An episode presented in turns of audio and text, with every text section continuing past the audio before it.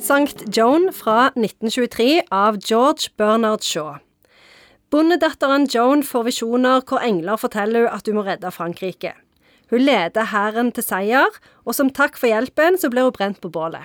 Ja, men det er jo ikke hans historie, det. Nei, det er jo ikke det. Det er jo Jeanne d'Arc. Det er Jeanne d'Arc, det er det. Ja. Men han har lagt et fint skuespill om det, og det er jo ganske vanlig, det. Shakespeare òg brukte jo ofte historier som var kjent fra før av, mens gjorde han de ekstra tøffe eh, og spennende. Så det er litt det George Bernard Shaw òg har gjort. Men det som vi må tenke på, det er det er skrevet i 1923, Mm. rett etter Pygmalion. Pygmalion og første verdenskrig. Ja. Jeg tok bare en sjanse Ja, ja, med det Pygmalion, for det er han som har skrevet den, er det ikke det? Helt riktig. Jeg har er ikke lest det den som er, nei, men det er det som er hans mest kjente Ja. stykke. Men han ble litt mer sånn seriøse på sine eldre dager. Altså, Hans poeng er at når det kommer sånn reformatorer, liksom sånn Jesus eller St. John, så klarer ikke samfunnet å ta det inn over seg, sånn at vi ender bare opp med å brenne dem på bålet eller ta livet av dem på annet vis. Det, det, det er liksom Mennesket i seg selv er kanskje ikke ondt, men systemet er det. Men det var en engel som ga beskjed om hva hun skulle gjøre. Så hun eh, fikk besøk av engler både titt og ofte.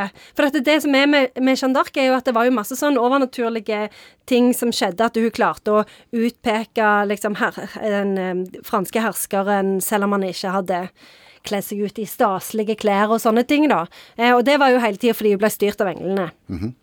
Og jeg tenker bibelsk, jeg, da. At når folk får beskjed av engler Da er de gjerne gravide. Ja, det er de ofte, men dette var jo ikke i dette tilfellet.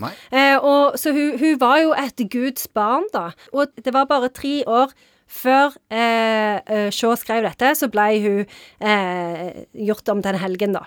Men holder han seg til historiske fakta her?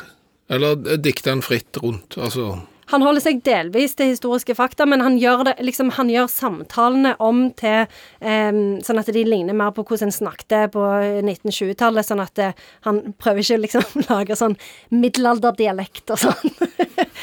men, men sa du at dette er et skuespill? Det er et skuespill, ja. Som vi skal lese som en klassiker? Ja, Som en roman? ja, ja. ja. Eh, det er veldig gøy å lese, faktisk. Eh, så jeg anbefaler det til alle.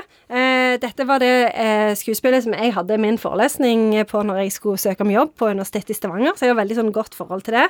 Eh, og, og poenget i dette stykket er at det der er liksom ingen sånne onde. Der er ingen sånn, det er jo en tragedie, da. Og da er det ofte en sånn ond karakter som gjør slemme ting. Men her er det ingen som er onde. Det er liksom systemet som gjør at de ikke klarer å gjøre det som er godt, da. Men, men i og med at dette er et skuespill, og, og vi normalt leter etter et sitat her, mm. skulle ikke heller bare spilt en liten passiar der du f.eks. kan være eh, Jeanne d'Arc, og jeg kan være Her er det en Robert. Ja, du kan være Robert. Jeg kan være han. Som en Robert i skogen, får man svar. Ja. Perhaps, but the more devil you wear the better you might fight. That is why the goddams will take Orléans, and you cannot stop them. No than 10,000 like you. 1000 like me can stop them. Dere er utrolig dårlige skuespillere, men interessant var det. kan ikke si annet enn det.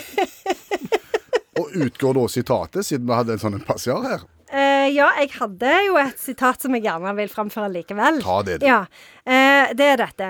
Må en Kristus omkomme i enhver tidsalder for å redde de uten fantasi? Sant? For det er fantasien som gjør at vi ikke kan innbille oss at det kan finnes en annen måte å gjøre ting på. Og Det er godt sagt. Vil du oppsummere St. Joan for oss? Eller skal vi ta en til passiar? Det kan jeg godt, altså det viser jo bare franskmennene sin hang til liksom som tusen takk for hjelp og for en strålende innsats, så skal du nå få brenne på bålet. Eventuelt så har vi også giljotin for de som er interessert i den slags. Ja, og det skal være sagt at hun ble eh, frista med fengsel òg. Eh, fordi som du kan få lov å sitte i fengsel resten av Nei, livet. nei, Nei, nei. hun ville ikke det. Vi går for bål. Tusen takk, Janne Stigen Drangsholt, forfatter og litteraturviter.